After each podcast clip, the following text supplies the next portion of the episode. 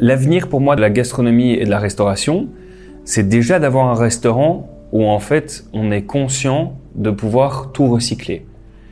Vous faites du déchet, vous avez des problèmes, tant sur votre économie, tant sur en fait votre philosophie que sur en fait l'impact sur le, sur le monde.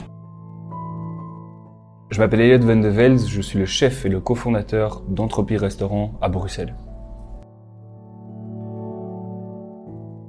Chaque année, Fourchette réunit de grands chefs qui offrent une expérience gastronomique dans un lieu spécial à Gand. J'ai eu de la chance de réaliser un portrait de vidéo des chefs participants de cette année. Vous pouvez les voir sur le site ou sur Instagram de Fourchette. Et pour le podcast, je leur ai posé quelques questions sur l'emplacement de leur entreprise ou de leur restaurant. Qui ils ont vraiment en tant que personne et en tant que professionnels? Quelle est leur inspiration ou leur philosophie, ce que l'équipe représente pour eux et comment ils envisagent l'avenir. Et à la fin, ce qu'ils pensent de Fourchette. Je suis Sabine Houthaus et votre hôte. Mais cette fois-ci, je garderai le silence et laisserai la parole au chef lui-même. Écoutez et savourez. On a été sélectionné par la ville par rapport à notre projet, puisqu'on a un projet aujourd'hui qui est un projet social euh, et gastronomique. Donc c'est une association qui s'appelle Earth Project d'abord, et le restaurant en fait partie. Alors on a un restaurant aujourd'hui à 95% végétal et 80% local aussi. On voulait montrer que la gastronomie était possible à travers les produits ici à Bruxelles et en plus d'avoir un, impact euh, sociétal puisqu'on nourrit plus de 800 personnes par semaine dans le besoin. Suis un chef qui n'a pas eu euh, d'école. J'ai vraiment appris sur le sur le terrain et en apprenant sur le terrain, ben, on découvre des choses, on voit des choses et on a des choses qu'on n'a plus envie de voir. Euh, et donc c'était euh, beaucoup de choses qui étaient jetées à la poubelle dans des restaurants étoilés. Ça a été une confrontation et puis ça a été en fait la confrontation dans le dans la grande distribution, le B2B de tous ces aliments en fait qui sont produits et qui sont pas du tout utilisés, qui sont jetés. Qu'est-ce que je peux en faire Comment je peux donner de moi-même pour réussir à faire quelque chose Et donc en 2017, la première chose que j'ai faite, ça a été de, de lutter contre ce gaspillage alimentaire et de pouvoir directement en fait nourrir les personnes précarisées lors d'une action ici à Bruxelles pour le parc Maximilien. Donc en fait en une après-midi, on a nourri 600 personnes dans le besoin et ça a été un déclic, un vrai choc même euh, émotionnel et humain. Et je me suis dit, il faut absolument pas que je m'arrête à juste faire des choses bien dans, dans la gastronomie, mais il faut que j'aille vraiment plus loin dans le côté euh, impact et, euh, et, humain, et d'associer bah, mon envie et mon talent de cuisinier à, euh, à cette créativité vraiment au profit du partage. Voilà, ça c'était la clé. Et puis petit à petit, avec Adine, ma compagne, ça s'est vraiment mis. Voilà, donc il y a eu vraiment cette idée qui a commencé à naître de plus en plus, de se dire qu'on allait lancer notre propre euh, association. On allait essayer d'être le plus euh, le plus droit possible dans nos idées, euh, et on allait essayer. On allait essayer de faire beaucoup de choses de notre temps libre. Donc on a commencé à faire des événements avec des chefs étoilés qu'on a invités ici à faire des événements, on va dire un soir ici par mois, où on allait récupérer plein d'invendus alimentaires et on en faisait un menu pour 120 personnes qui allaient payer ce menu et l'argent récolté allait être distribué pour Médecins du Monde, Médecins sans frontières et plus encore. Donc voilà. Euh, et là ici sur ces événements ad hoc, sur euh, une toute petite période, sur même pas une demi euh, une demi année, on avait récolté 60 000 euros. Ça nous a permis de faire beaucoup de projets pour les pour les gens, d'être vraiment, on va dire, ça nous faisait plaisir en fait de le faire. Il y avait il y avait quelque chose dans notre cœur qui nous disait c'est vraiment la bonne chose à faire. Et de plus en plus, on commençait à avoir nos idées claires en fait là-dedans. C'est comme ça que l'association est vraiment née, donc Hearth Project, la contraction du cœur et de la terre, qui veut dire le foyer, très important euh, pour nous, parce que la, première idée c'était d'avoir un restaurant social où les gens allaient en fait pouvoir venir manger le midi et le soir les gens de la rue venaient manger. Un peu comme le Refettorio fait à Paris, etc. de Massimo Bottura et autres. Donc ça c'était le projet. Après, ben, on a vu qu'on avait une plus grande force. En fait, donc le Covid est arrivé. Moi, j'ai ma société d'événements culinaires qui malheureusement ben, s'arrête. Tous mes projets un petit peu de consultance aussi. Et mon association, ben, on, m'appelle le lendemain. Tu dois récupérer euh, deux tonnes d'invendus alimentaires en un jour. Ok, j'arrive. Qu'est-ce que je vais faire avec tout ça? Et en fait, soudainement, on commence à avoir euh, notre euh, notre prisme vraiment qui commence à s'ouvrir et à se dire ok, on n'a rien à faire de nos journées, juste à attendre que quelque chose nous tombe peut-être du ciel pour nous dire vas-y, tu peux recommencer à travailler. Et moi, je me dis, ben, je vais faire en fait autrement. Je vais juste profiter de toutes mes journées pour faire ce que j'ai pas le temps de faire. Et donc, on, on va rencontrer des acteurs sociaux. On va rencontrer des associations ici qui œuvrent euh, pour la, pour la charité ici à Bruxelles et on leur explique ce qu'on fait et dans quoi on est fort. Et soudainement, en fait, on commence à trouver des synergies et à trouver, si on veut, là on va être le plus intelligent dans notre domaine, ça veut dire la production. Et euh, la récupération, parce qu'en fait on avait une logistique qui était incroyable, on avait euh, trois camions euh, frigo, on avait des cuisines qui étaient vides, bah, on y va. Et donc j'envoie un message sur Facebook, je dis voilà j'ai besoin d'avoir des bénévoles, etc. C'était le deuxième mois, de, le premier mois et demi de Covid, d'accord? Donc les gens étaient un peu apeurés. Puis en fait on a lancé et on a, on a préparé pour 11 000 personnes sur le premier mois des voilà des, des plats euh, donc entrées, plats, desserts qu'on allait délivrer, etc. Tant sur les hôpitaux que sur les associations. Et puis au fur et à mesure, en fait, ça s'est agrandi. Puis on a eu euh, des contrats avec euh, la ville. On a commencé à être de plus en plus précis de plus en plus ouais, innovant dans la manière de développer la logistique en fait par rapport à la récupération des invendus alimentaires et la durabilité de pouvoir les redonner en fait. Et c'est pour ça qu'à un moment, bah, le Covid s'est arrêté nous, nos actions, bah, en fait, elles étaient toujours là. Euh, la précarité a repris un petit peu euh, de l'ordre. Pour ça aussi que le mot entropie du restaurant, c'est très important de le dire. Mais il y a eu un ordre, donc il y avait tellement de désorganisation dans ce milieu social. Le Covid retire toutes les personnes un peu âgées, malheureusement, qui sont des bénévoles qui ont le temps. Bah, ils sont malheureusement plus du tout dans le process. Et nous, on avait trouvé des solutions. Et en même temps, bah, par après, le Covid s'arrête, donc les choses reviennent un peu à la normale. On est toujours présent. Et c'est pour ça qu'avec Adeline, on s'est dit, allez, go, on, va plus loin. On est déjà trop en avance sur notre projet, sur les choses qu'on avait écrites. Autant y aller. Ouvrons notre hub. Voilà, ouvrons ça euh, pour les gens, ouvrons ça pour euh, les invités qui viendront dans le restaurant. Euh, très important le mot invité. Ce sont pas des clients, ce sont des invités qu'on a envie de, de garder. Et puis par après, c'est vraiment l'idée d'avoir un impact en plein centre de Bruxelles. On avait déjà un projet très très fort, très axé sur la durabilité. Donc par exemple, les lampes euh, sont faites à base de champignons, d'accord? Donc on est vraiment sur le côté organique. Les tables, c'est de la récupération, c'est du bois euh, qui vient de chez Emmaüs. Donc par exemple, ici même sur euh, les deux tables de derrière, vous avez des essences de bois que vous ne retrouverez plus jamais tellement c'est cher. En fait, même mes tables aujourd'hui valent plus cher. on est content, mais c'est pas le but de, voilà de, ça. C'est juste se, se dire qu'en fait, on travaille aujourd'hui avec des choses en upcycling on essaie d'être euh, quand, on a ouvert, on voulait soudainement avoir le 100% tout de suite. Voilà, c'est en cours, c'est en projet. On a déjà on a déjà beaucoup de choses qui se sont mises en place. Donc voilà, on est ici beaucoup dans la préservation. Je pense qu'il y a beaucoup de chefs aussi que vous avez rencontrés qui, euh, sont dans la même chose et, je les remercie, Sanne de Gimbre, euh, Christophe Adikest et puis tous les autres qu'on connaît quand même un petit peu, de nous avoir inspirés là-dedans parce que ça reste des pionniers, il, il, faut le dire. Et nous, on suit les traces d'une cuisine que bah, que eux-mêmes fait ont mis en place.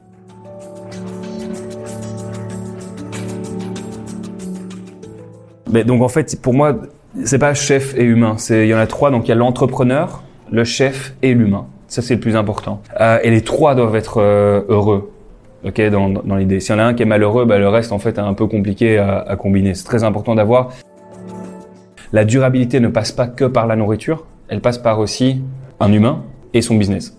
Ici, on est sur un business social qui a beaucoup d'impact. Donc, c'est très important qu'on soit toujours conscient de ce qu'on fait au quotidien, d'accord, avec euh, les associations qu'on a, qu'on fait avec les équipes. C'est très important aussi. La durabilité, ça passe par là. Dire cette nouvelle tendance de dire qu'on fait euh, quatre jours, euh, semaine, etc. Pour nous, c'était une évidence. On a ouvert le restaurant. On, a des vrais 38 heures semaine pour de l'oreca. C'est quelque chose qui n'existait pas. Aujourd'hui, on a réussi à l'implémenter. On a réussi à le mettre en place. Et donc là-dedans, si, on veut, ce côté de, de chef bah, me permet d'être en un coup beaucoup plus axé sur OK, maintenant on y va à fond sur ces moments-là et on décortique la semaine aussi d'une certaine façon. Donc on est plus productif, on est plus intuitif, plus réfléchi. Le côté entrepreneur, bah, il est ravi parce qu'en fait au final c'est un business model qui est tout, tout aussi rentable en fait. Et pour moi, donc, l'entrepreneur s'assurer constamment euh, des, des, choses précises de son business. Donc, c'est pour ça qu'en fait, ouvrir ici trois soirs par semaine, ça nous permet d'être vraiment précis les soirs où on est ouvert. Parce que chaque personne assise à une table, qui reçoit donc en premier par exemple son apéro et ses amuse-bouches, mais en fait quand on va ramener la première dégustation juste après, même si c'est la même personne, c'est un nouveau client. Et en fait, c'est ça qui est impératif aujourd'hui de, de ne jamais oublier, c'est que les gens viennent pour une expérience. Ils viennent pour un moment phare de leur semaine, de leur journée. Ils ont besoin de nous avoir, nous, à notre euh, pleine joie et pleine, et pleine envie, en fait. Et c'est pour ça que l'idée d'avoir 38 heures semaine ici dans un restaurant permet, je trouve ça, euh, aujourd'hui dans l'ORECA, qui est difficile. Voilà. Et donc, si déjà ces deux choses-là fonctionnent, et c'est celui sur lequel j'ai le plus de mal en fait à pouvoir aujourd'hui euh, travailler parce que voilà c'est ça aussi euh, un business. Euh, des fois on fait des sacrifices. Ben l'humain, des très gros sacrifices. Et je me suis oui vachement sacrifié ici pour le projet, mais ça fait partie du jeu. Et j'aime ça. J'aime j'aime cette idée-là. Je suis quelqu'un qui n'a pas de limites. Aujourd'hui un peu plus parce que j'ai quand même une fille, mais c'est clair que je suis quelqu'un qui a peu de limites. Je vais aller jusqu'au bout des choses et tant que j'ai imaginé ou voulu, bah je vais je vais pas lâcher. C'est très important pour moi de montrer ça aussi à mes équipes. Ça veut dire qu'en fait, il n'y a pas tout qui est facile dans la vie. Euh, et quand on a un problème, il bah, faut aller chercher euh, la solution.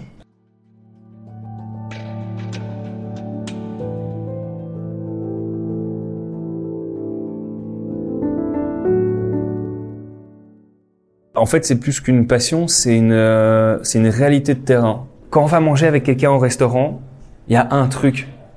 Je pense qu'on fait généralement tous l'amour après. voilà, c'est un truc qui est, c'est un truc qui est basique. Je, je, je, pense que si si on mange pas bien, en fait, on fait pas bien l'amour. Voilà. Donc c'est pour ça qu'en fait déjà rien que ça, c'est un truc qui euh, qui donne en fait déjà le ton de ce qu'on a envie d'apporter euh, aujourd'hui dans, dans la vie des gens. Ça veut dire qu'en fait, les invités qui viennent ici au restaurant, mais en fait, ils ont besoin d'avoir quelque chose qui leur passe par la vie parce que la vie est déjà tellement compliquée pour plein de choses. Enfin, on, le voit bien. Je veux dire, c'est euh, c'est toujours du stress, du stress pour plein de trucs. Euh, et aujourd'hui, ben, je pense que c'est un cocon. Euh, et, et, ce qui est très chouette, c'est que je, je, je le vois. on a très peu de gens qui sont par exemple avec leur téléphone à table. Et ça, c'est un truc qui euh, qui me qui me fait plaisir parce que les gens ont énormément de, de discours, de paroles, etc. Et je trouve qu'on a réussi à créer ça ici à Entropie. C'est vraiment ce ce cocon euh, aux tables euh, qui permet de de s'exprimer moi-même en tant que chef et passionné, qui permet en fait de raconter le travail de toute une équipe derrière. Et c'est ça qui est le plus important en fait, c'est de raconter le travail et les valeurs en fait d'un projet. Et puis à travers évidemment le plat euh, qu'on a dessiné, euh, le plat qu'on a imaginé, et les produits avec lesquels on a travaillé. donc en fait, de pouvoir aujourd'hui avoir cette conscience de travailler avec des très bons produits qui nous viennent de juste à côté, etc. Ça change tout parce que les gens découvrent ça aussi ici, euh, tant les touristes euh, que les personnes même bruxelloises qui ignoraient ce genre de, de, de produits-là. Y a un, je trouve, qui a été quand même une, très grande inspiration pour nous, c'est Stéphane Jacob de chez Orchamps. La manière dont il a d'approcher en fait euh, les producteurs avec lesquels il travaille, comment il les met en avant, cette philosophie en fait du partage euh, qu'il a a été pour nous un, une inspiration réelle. Euh, la manière de mise en avant, hein, je parle, c'est vraiment c'est vraiment plaisant de voir ça. C'est vraiment tellement bénéfique en fait de, de, de comprendre tout ça euh, qu'on l'a implémenté chez nous. Et, et, et c'est clair qu'on est ravi en fait de, de, de, connecter avec de plus en plus en fait de maraîchers, de plus en plus de producteurs euh, qui ont vraiment une, une, conscience derrière, tant sur leur sol que sur leurs euh, produits qui poussent, sur la revalorisation aussi des produits. C'est ça aussi l'avantage d'être en connexion avec les maraîchers, c'est qu'aujourd'hui par exemple, euh, vous aurez l'habitude d'acheter un chou-fleur. Nous, on va acheter en fait les feuilles qui font tout le chou, par exemple, ou la racine. Là, parce qu'en fait, on va pouvoir en faire des choses formidable avec ça et on passe d'un 0 à 1. On parle d'entrepreneur tout à l'heure. Un entrepreneur, c'est ça qu'il veut faire. C'est son idéal. 0 à 1. Euh, L'innovation. On n'innove pas. On réutilise juste en fait ce que la nature nous a apporté. Mais c'est juste qu'en fait, on est beaucoup plus ouvert à, utiliser des choses non calibrées et qui sont en fait tout aussi euh, magiques et tout aussi bonnes. Et donc c'est pour ça que nos producteurs ont une importance cruciale et énorme. Sans eux, on ne pourra pas avoir cette liberté d'esprit de pouvoir encore continuer à créer de nouvelles choses. Je veux dire, je peux pas vous dire d'où viennent mes inspirations. C'est juste, il y a beaucoup d'idées euh, qui viennent constamment. Ça fait partie de mon, euh, ouais, de, de, moi en fait. J'aime faire plein de choses et dans ces plein de choses, j'aime bien beaucoup dessiner. J'aime beaucoup les couleurs. J'aime beaucoup les, le monde en fait que l'alimentation apporte. Et je suis très heureux d'avoir pris le, le pas du végétal. C'est une palette de couleurs. C'est un arc-en-ciel. Honnêtement, avant d'avoir imaginé ça, je je réfléchissais pas de cette manière-là. Mais aujourd'hui, c'est vraiment, c'est une évidence, en fait. Et les chefs qui ont pris part, je pense à Oumous et Hortense, donc Nicolas de Cloud, euh, et, le chef, par exemple, de Jimbe, qui ont vraiment cette taxe très végétale, je les comprends tellement, en fait. Et je le vois dans leur bien-être ou quoi que ce soit, il y a un truc, il y a une aura comme ça, qui, euh, que je comprenais pas au début et que maintenant je comprends complètement. Et je suis ravi d'imaginer pouvoir euh, bah, exceller entre guillemets euh, là-dedans. Enfin, et quand je dis exceller, c'est essayer. Il y a aussi ce, un peu ce mot-là, essayer, exceller. Mais d'essayer d'être quelqu'un dans cette euh, dans cette idée du végétal et d'essayer de raconter un maximum de choses en fait. Parce que pour moi, ça vraiment le futur de l'alimentation, ça passe par là.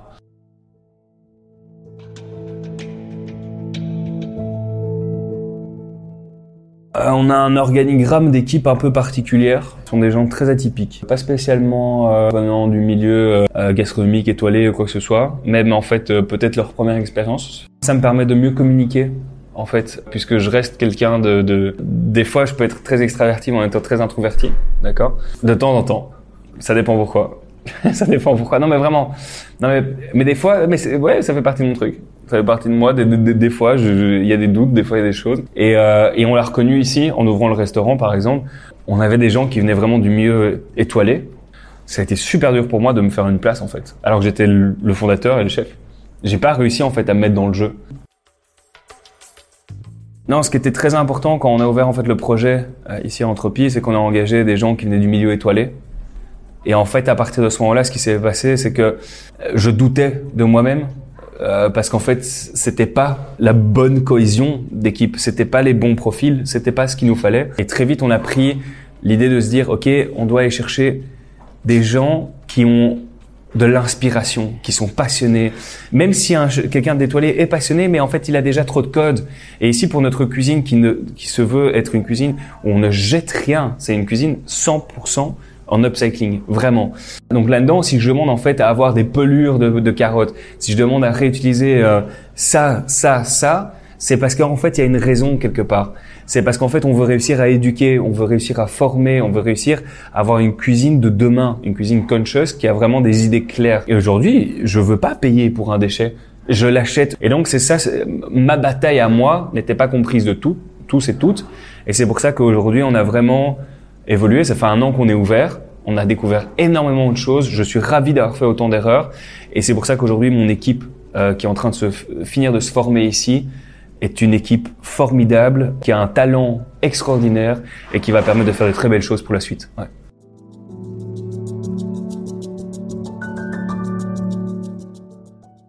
L'idée de pouvoir en fait aujourd'hui tout réutiliser est la clé des prochains restaurants. Tant si c'est du végétal, prenons par exemple, vous avez des restaurants qui achètent aujourd'hui au niveau des viandes, je veux dire, et même vous avez de plus en plus de restaurateurs même qui le font, c'est d'acheter en fait euh, carrément la bête entière, ok, que ça soit un cerf, que ça soit une vache, que ça soit un...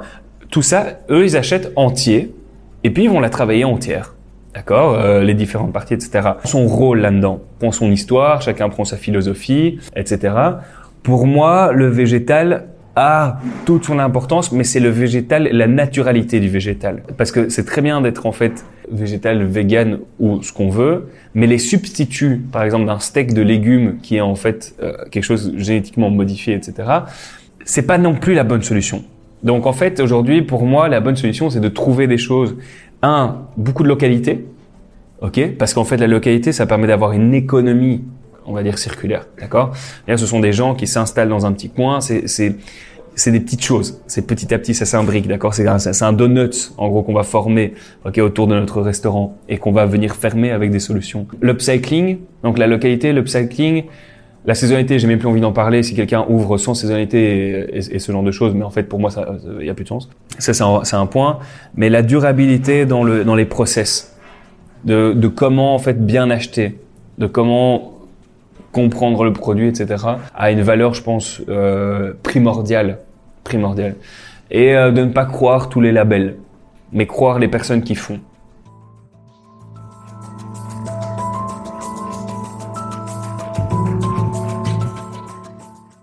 Alors moi j'ai une ambition très concrète là maintenant pour l'équipe et pour la dynamique du projet, c'est d'aller chercher une étoile verte. Pourquoi j'ai envie d'avoir une étoile verte? C'est pour en fait tout simplement pouvoir connecter avec des gens qui l'ont déjà, d'accord, euh, à l'international, et pouvoir développer aujourd'hui beaucoup plus communautaire, beaucoup plus impactant, beaucoup plus professionnel aussi par rapport à l'avenir de l'alimentation et euh, l'avenir et la durabilité des projets dans la gastronomie et la restauration au sens large. D'accord, il n'y a pas que la gastronomie qui doit être qui doit être euh, inspirée par ça, mais en tous les cas, c'est mon ambition première, c'est d'aller chercher cette étoile verte. Après, est-ce que j'aurais besoin d'avoir cette étoile verte pour pouvoir faire ce que je fais je ne pense pas parce que de toute façon, je suis quelqu'un qui fonce et qui va toquer aux portes et, euh, et voilà, qui essaie d'avoir euh, quand même de garder cette image-là. Après, je pense que pour toute l'équipe, avoir une reconnaissance comme ça, c'est super chouette. Ça fait partie d'un, ça fera partie d'un souvenir. Et, euh, et, les souvenirs, je pense que ce sont les choses les plus importantes qu'on vit en fait avec les gens. Et donc, euh, l'ambition, c'est, l'ambition, c'est d'avoir des souvenirs en fait avec les gens. Je crois que c'est le plus important aujourd'hui parce que la vie est, trop courte et honnêtement, on, perd trop de temps. Et je pense que c'est ça qu'il faut juste garder dans un, dans un projet, c'est de se dire qu'en fait, les souvenirs, c'est ce qui va nous faire enfin, ouais, nous faire réfléchir à pourquoi on l'a fait, et je trouve ça trop cool. Bien sûr que c'est des émotions, parce que déjà, avoir mon propre restaurant, c'était pas ce que je voulais. Vraiment pas. Être là tous les jours, à gérer une équipe. Je suis très, je, suis pas un très mauvais manager, j'aime juste pas manager. Euh, j'aime bien que les gens soient, voilà, c'est, enfin, ça fait partie de mon caractère et c'est des choses comme ça, mais après, je suis ravi, en fait, et, vraiment, je touche du bois, et en même temps, je suis ravi de pouvoir avoir, en une année, avoir eu euh, bah, tout ça qui nous est arrivé. Tous ces projets, tous ces labels, toutes ces félicitations, et euh, toutes, toutes ces réussites, entre guillemets, parce qu'on aurait pu, en fait, ouvrir et ne pas avoir de clients. Euh, on aurait pu ouvrir et ne pas avoir la bonne philosophie. On aurait pu ouvrir, ne pas réussir à avoir une équipe complète. Tout ça, en fait, s'est mis je remercie déjà euh, euh, voilà ma femme de m'avoir cru donc euh, dans, dans, cette idée-là et de m'avoir suivi et, et, voilà de faire en sorte que ça fonctionne et puis aussi bah, moi-même de continuer tous les jours en fait à faire que bah, qu'on y croit et que, et que, et que ça nous amuse parce qu'en fait il faut que ça, que ça reste un jeu hein. Ah ouais, ouais, ouais, on est dans un bac à sable hein, ici.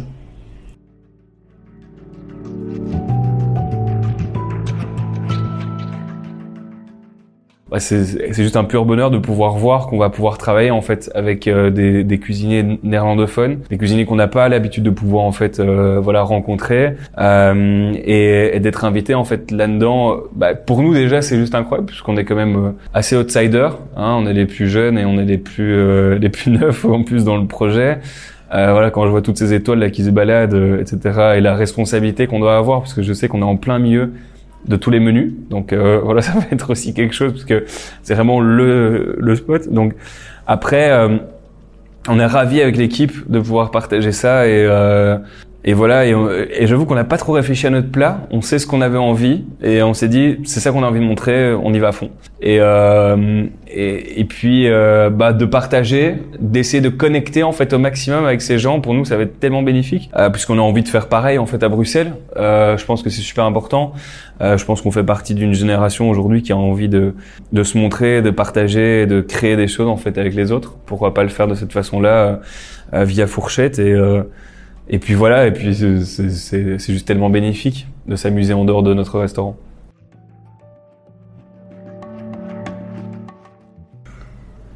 Fourchette, pour moi, ça représente quand même euh, l'unité l'unité ici euh, pour la Belgique, on voit toujours qu'il y a un événement en Flandre, un événement en Wallonie, un événement à Bruxelles.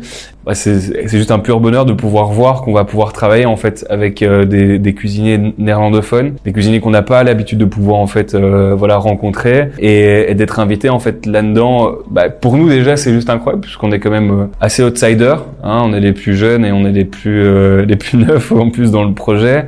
Euh, voilà, quand je vois toutes ces étoiles là qui se baladent, euh, etc., et la responsabilité qu'on doit avoir, parce que je sais qu'on est en plein milieu de tous les menus, donc euh, voilà, ça va être aussi quelque chose, parce que c'est vraiment le, le spot. Donc et, et puis euh, bah, de partager, d'essayer de connecter en fait au maximum avec ces gens. Pour nous, ça va être tellement bénéfique euh, puisqu'on a envie de faire pareil en fait à Bruxelles. Je pense que c'est super important.